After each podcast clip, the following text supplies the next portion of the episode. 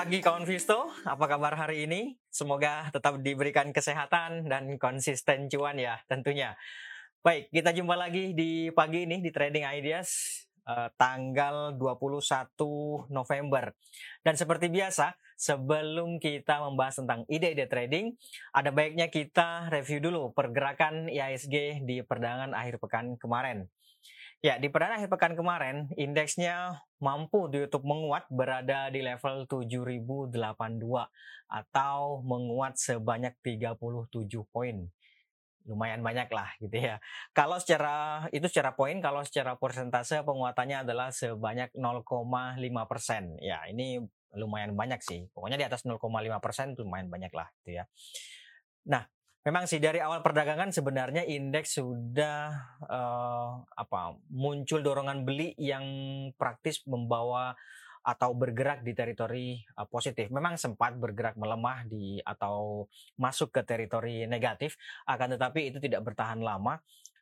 Kemudian uh, mampu berlanjut menguat gitu ya sekali lagi sempat memang me, apa bergerak atau menguji berada di teritori negatif. Hanya saja tidak bertahan lama kemudian muncul dorongan beli yang pada sesi pertama saja indeks itu sebenarnya sudah ditutup menguat ya kisaran 0,5 persenan gitu ya. Artinya dari awal perdagangan sampai dengan akhir sesi kedua eh sorry akhir sesi pertama itu indeksnya berada pada kecenderungan menguat.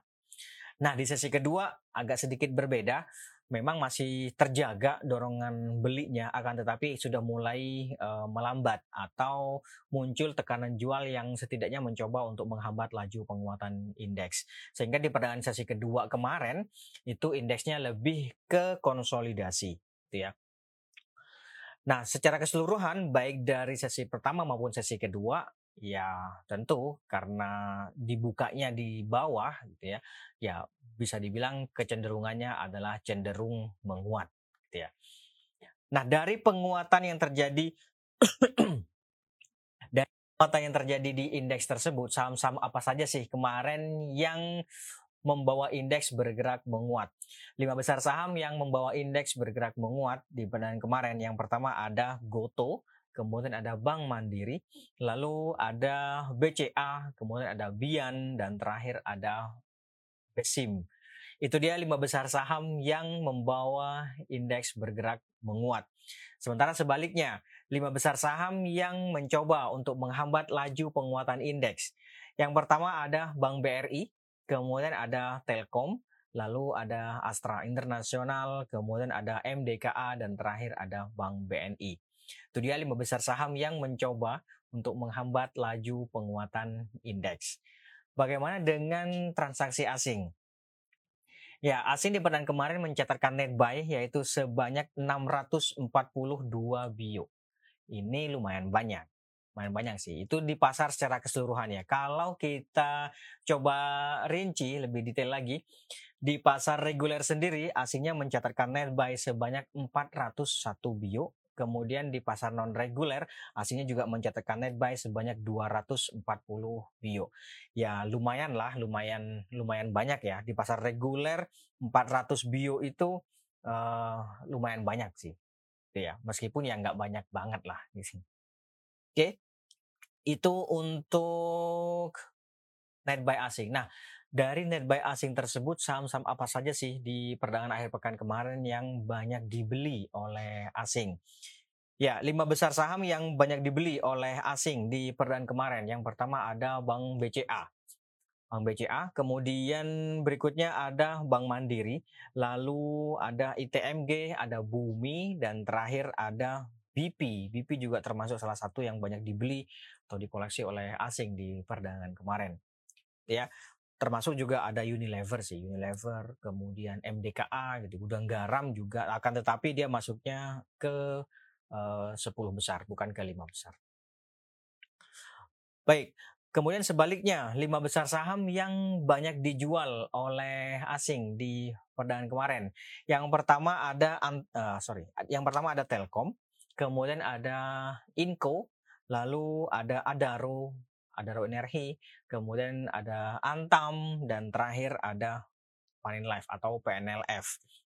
Nah, itu dia lima besar saham yang banyak dijual oleh asing. Termasuk juga ada Buka sih sebenarnya. Ada BRI, Buka, kemudian ada ada Mineral, Astra Internasional. Itu kemarin banyak mengalami tekanan jual dari uh, asing, masuknya ke 10 besar.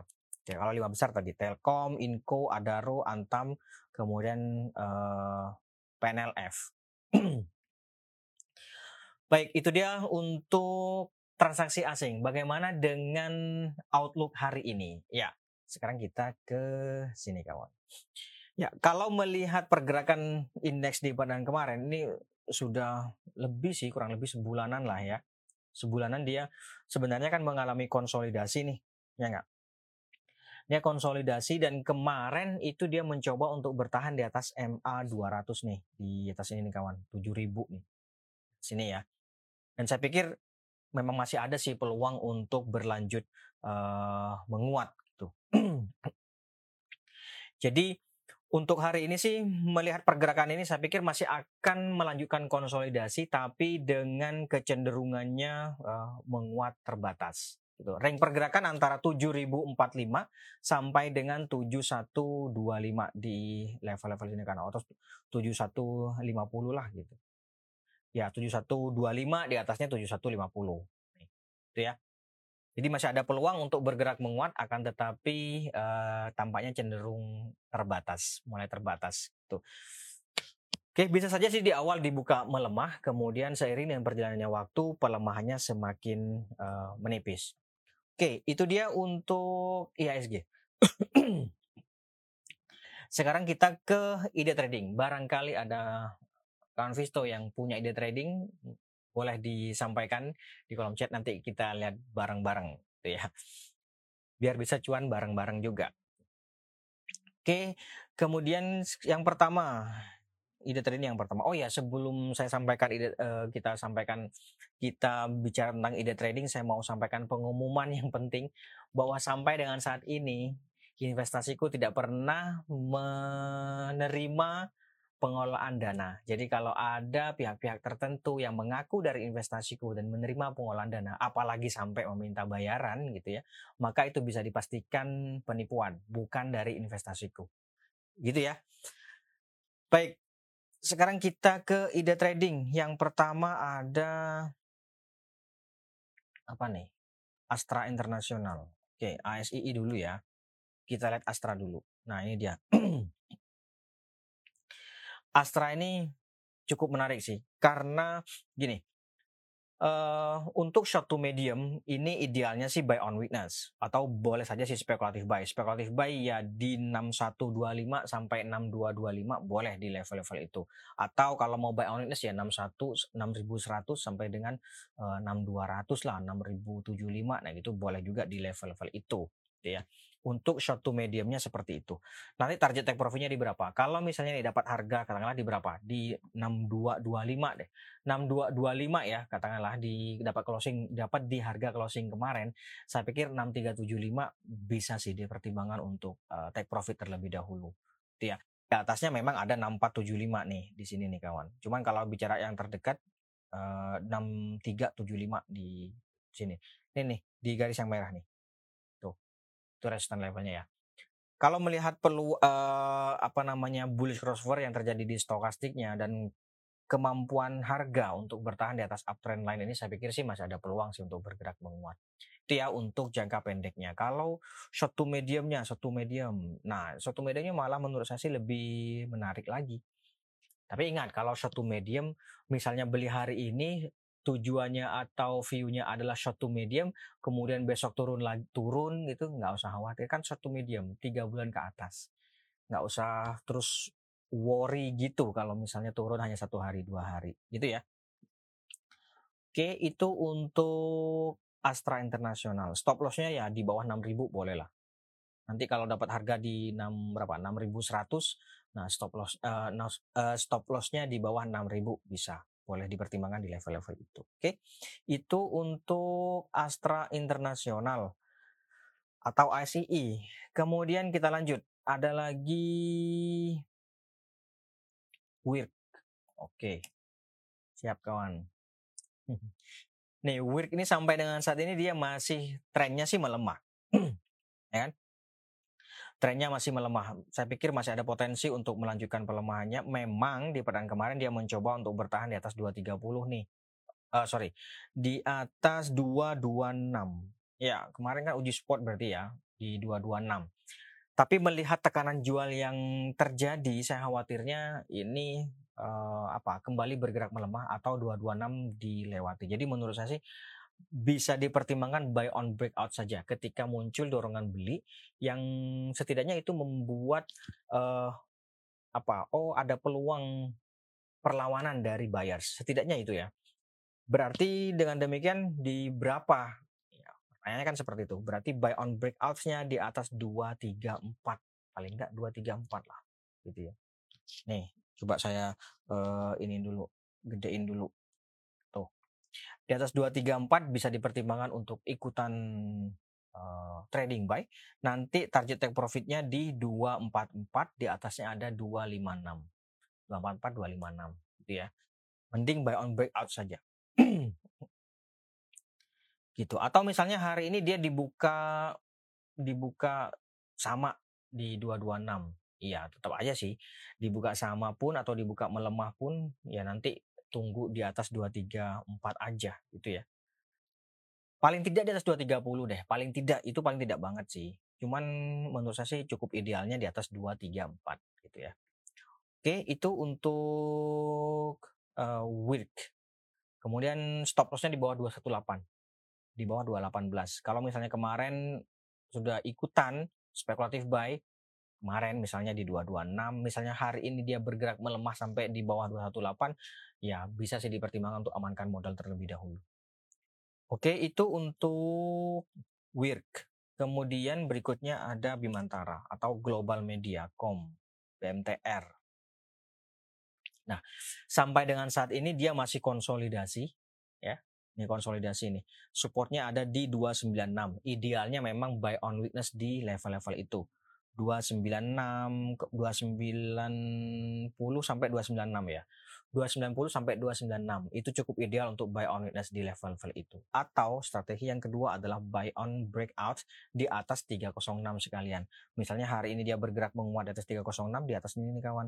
Boleh sih dipertimbangkan untuk ikutan uh, spekulatif buy nanti TP-nya nggak usah jauh-jauh 314. Cukup nggak? Cukup sih mestinya ya nggak? Cukup sih. Untunglah yang jelas gitu ya. Oke, itu untuk uh, BMTR. Sekali lagi kalau bicara cukup ideal, saya nggak suka buy high sell higher. Saya sukanya buy low sell high. Maka buy on witness saja. Boleh dipertimbangkan 296, 290 sampai 296 di level-level itu. Tapi kalaupun misalnya nih ternyata harga naik di atas 306 saya pikir boleh saja sih dipertimbangkan untuk trading buy nanti target take profitnya 304 eh sorry 314 di sini kawan Oke, itu untuk BR. Kemudian berikutnya ada lagi sebentar, saya lihat dulu Unilever. Oke, Unilever dulu ya. Unilever. Nah, ini dia. Unilever ini sejak pelemahan yang terjadi ya kurang lebih sebulan yang lalu lah. Uh, akhir bulan yang akhir bulan lalu, akhir bulan Oktober nih. Dia kan mengalami konsolidasi nih ya nggak mencoba untuk bertahan di atas support level 4480 nih. Dan kemarin dia sedang uji resist di 4640. Jadi saya pikir ini boleh saja sih buy on breakout di atas 6 di atas 4640 ya 4650 misalnya. 4650 kalau terjadi volume yang banyak uh, boleh sih ikutan untuk spekulatif buy jadinya. Kalau dengan crossing kemarin buy on breakout gitu ya. Itulah pokoknya. nanti target take profitnya di 4.800 di sini kawan. Atau ya sekalian cukup ideal sih 4.900 di sini. Itu kalau melihat indikasi golden cross nih ini ada indikasi golden cross di MACD-nya saya pikir uh, ada peluang sih untuk bergerak menguat dalam jangka pendek. Tapi sekali lagi ini buy on breakout saja. Kalau dia belum mampu nih di atas 4640 saya pikir dia akan kembali melanjutkan konsolidasi ini yaitu menuju support level yang ada di sini nih kawan 4480 gitu. Makanya idealnya adalah ya cukup ideal lah setidaknya itu buy on breakout saja. Gitu. Oke, nanti stop lossnya di berapa? Kalau ternyata naik nih di 4660 misalnya ikutan ternyata malah uh, gagal gitu ya atau uh, apakah disebut uh, fail gitu ininya uh, breakouts-nya gitu ya ya bisa saja cuman nanti dilihat seperti apa pergerakan berikutnya bisa dibilang uh, fail atau tidaknya gitu. tapi misalnya nih ternyata wah ternyata malah turun gitu ya ketika ketika beli di atas 4640 ternyata nggak sanggup nih bertahan di atas 4640 ya di bawah 4600 saya pikir boleh sih dipertimbangkan untuk uh, amankan modal terlebih dahulu sambil nunggu langkah berikutnya. Kalau misalnya uh, sampai 4 480 kan lumayan juga gitu ya. Oke, itu untuk uh, Unilever. Kemudian berikutnya ada Sico. Oke, Sico nih. Wih, ini cukup menarik sih. Ini cukup menarik nih. Memang sih kemarin dia ditutup melemah, ya enggak? Saya gedein ya. Nih, memang sih dia kemarin di YouTube melemah, tapi sebenarnya kan dia melanjutkan konsolidasi mencoba untuk bertahan di atas MA 200 nih. Jadi ini cukup menarik. Uh, bisa saja spekulatif buy, ya. Bisa saja spekulatif buy. Cuman kalau mau bicara cukup ideal, ini adalah buy on breakouts. Karena gini kawan, uh, kawan ini dia kan sedang berada yang makanya saya kotakin ya. Ini kan dia adalah demand zone. Pokoknya di daerah sini ini adalah demand zone. Ya. Langkahnya yang paling pas ketika harga berada di demand zone adalah ketik beli ketika dia bergerak keluar di atas demand zone. Yaitu di atas ini. Artinya buy on breakouts kan. Di atas 188 lah paling enggak. Ya enggak? Ya, di atas 188. Tapi sebenarnya karena dia sampai dengan saat ini bertahan di atas SMA 200 sebenarnya boleh saja sih spekulatif buy 180 sampai 183 gitu ya boleh saja. Saya mainnya pendek misalnya gitu ya. Dapat 180 jual 188 ya oke okay juga sih, boleh juga. Gitu ya. Oke, itu untuk Sico. Kemudian kita lanjut dulu. Kita lanjut dulu ada Adaro. Adro. Oke. Okay. Adro. Ya, ini dia Adro. Ini sebenarnya dia mengalami konsolidasi, cuman kecenderungannya adalah cenderung menguat terbatas. Jadi saya pikir masih ada peluang sih untuk berlanjut ke resistance level yang ada di sini nih, 3690. Jadi saya pikir kalaupun kemarin-kemarin ikutan, boleh sih dipertimbangkan untuk 3690 take profit terlebih dahulu gitu ya. Atau misalnya belum ikutan, pertanyaannya adalah tiga dengan resisten level di 3690 cukup nggak? Itu. Kalau itu dinilai layak atau dinilai cukup, ya bolehlah untuk uh, trading buy gitu ya. Coba kita hitung ya. Kalau dapat harga katakanlah 3590, terus kemudian kita jual di 3690. Sebenarnya kita untungnya berapa sih? Gitu ya.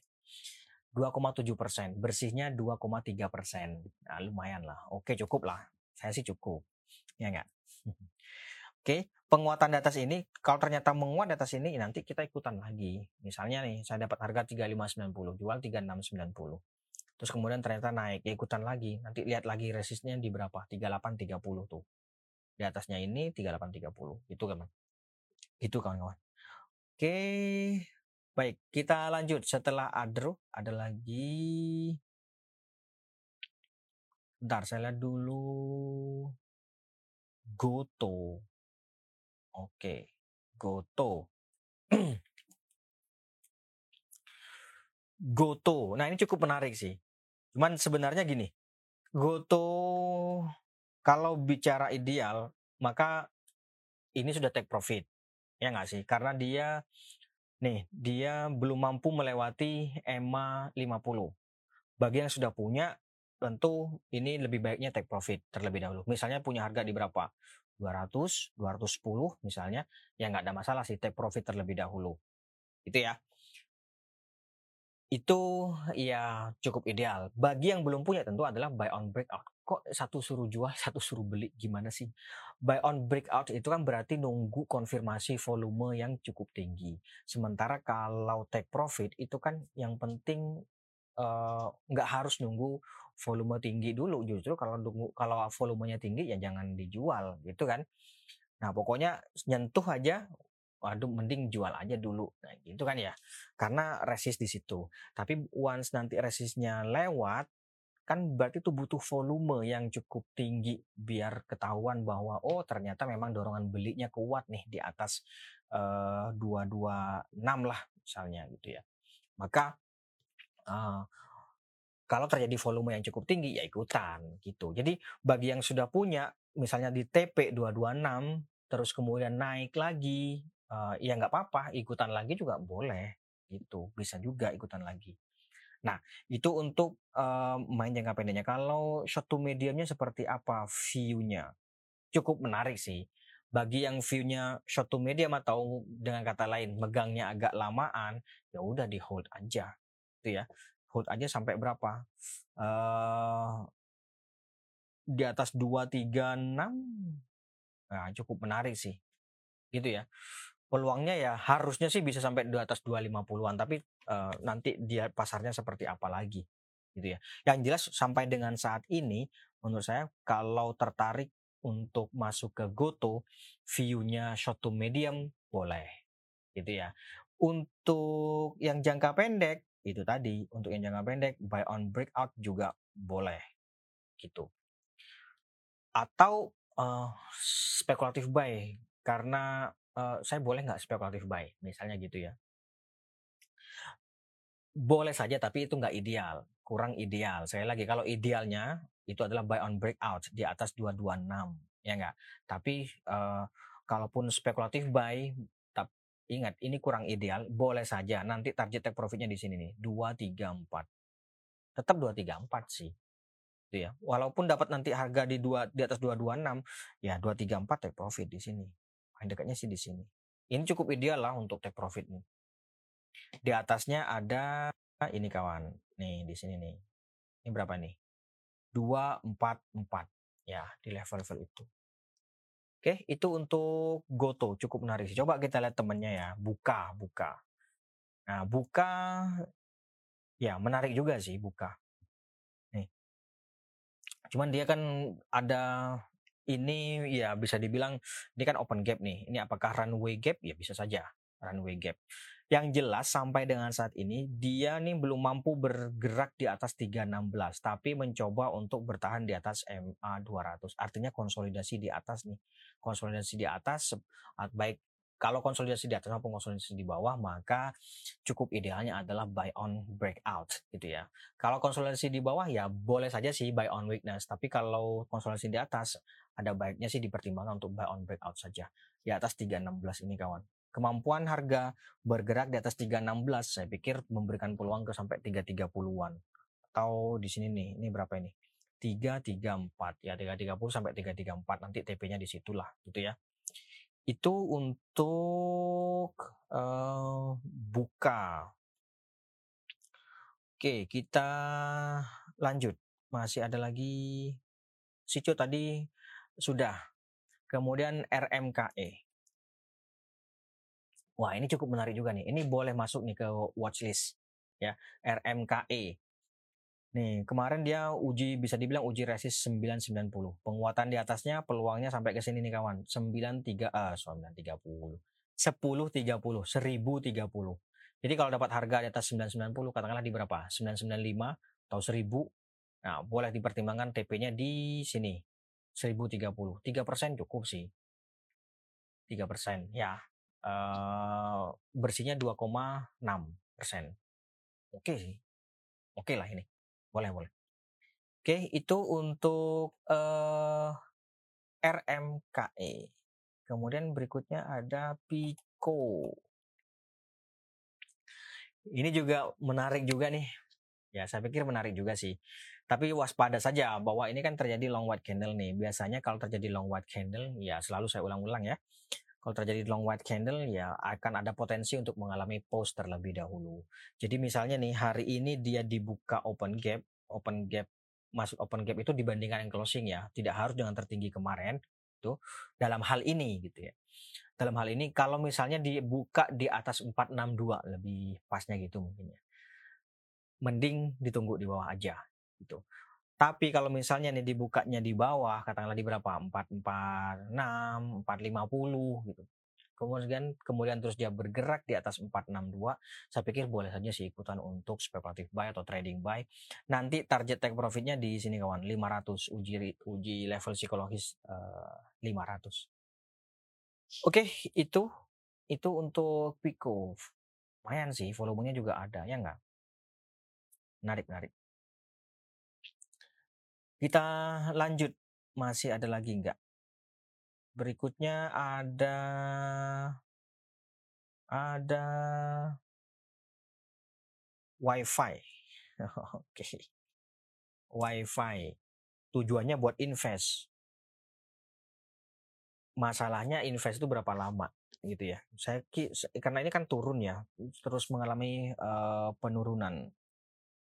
Kalau tujuannya buat invest, asumsi saya adalah di atas invest. Di atas tiga tahun di atas lima tahun berarti kan? Kalau invest loh ya. Karena kan bilangnya invest jadi asumsi saya di atas lima tahun atau di atas tiga tahun. Iya kurang pas juga sih sebenarnya karena dia trennya masih turun sih. Nih. Maksudnya lebih pasnya adalah beli ketika nanti trennya patah walaupun untuk invest. Gitu ya kalau seperti ini kan Iya, kita nggak tahu nih sampai kapan uh, apa namanya uh, reversalnya. Yang jelas sampai dengan saat ini, ini weekly loh, uh, ini weekly loh kawan-kawan. Dari tahun 2020 sudah dua tahun dia mengalami pelemahan. Sampai dengan saat ini belum ada indikasi untuk bergerak menguat atau belum ada indikasi untuk reversal. View-nya lima tahun kok. Iya, oke lima tahun, tapi masalahnya sampai dengan saat ini ini belum ada tanda-tanda untuk reversal. Itu aja sih. Itu aja. Nanti kalau setidaknya nih, kalau dia mampu bergerak menguat di atas 300 deh. Sampai dengan sampai di atas 300, view-nya kan view-nya lima tahun loh ya, di atas uh, invest lah pokoknya. Intinya invest. Bukan jangan terus sekarang harganya 180. Kemudian belinya atas 300. Waduh, itu kan sudah naik 100% misalnya. Nah, jangan lihat ke situnya, tapi lihatnya ke tujuannya kan investasi. Ya, kalau investasi menurut saya sih tunggu aja di atas 300 harusnya sih paling enggak di atas 300 baru nanti kita bisa melihat oh jangka panjangnya seperti ini kalau seperti sekarang ini yang jelas sampai dengan saat ini belum ada tanda-tanda untuk mengalami kenaikan gitu ya kalau meskipun view-nya uh, lama menurut saya sayang aja sih. Kalau harus masuk ke sini toh masih ada saham-saham yang lain yang lebih menarik yang lebih well known juga gitu ya. Saya nggak mengatakan lebih bagus sih. Saya juga belum tahu sih dalamannya fundamentalnya wifi ini seperti apa. Tapi kalau dibandingkan dengan contoh uh, Astra Internasional atau Bank BCA apakah dia mampu? Apakah lebih bagus dari Astra Internasional atau BCA nanti ya bisa tentu harus dilihat lebih lanjut ya. Tapi yang jelas Astra Internasional menurut saya sih saat ini menarik untuk bahkan invest sekalipun gitu ya. Oke, itu untuk uh, WiFi. Kita berikutnya coba lihat lagi. Hmm, bumi. Oke, bumi. Bumi. Nah, ini dia. Oke, bumi. Nah, bumi ini di perdan akhir pekan kemarin cukup menarik sih pergerakannya, ya enggak? Ya enggak sih? Ini ini juga termasuk salah satu yang banyak dibeli oleh asing di perdan kemarin, bumi. Boleh sih trading buy, targetnya 185. Oke. Baik, singkat aja sih, udah jam 9. Baik, saya pikir itu dulu Kang Wisto untuk hari ini. Terima kasih atas kehadiran dan partisipasinya. Kita jumpa lagi besok. Tetap jaga kesehatan. Mohon maaf jika ada salah kata. Sekali lagi terima kasih. Selamat pagi. Salam investasiku for better. Investasiku for better tomorrow.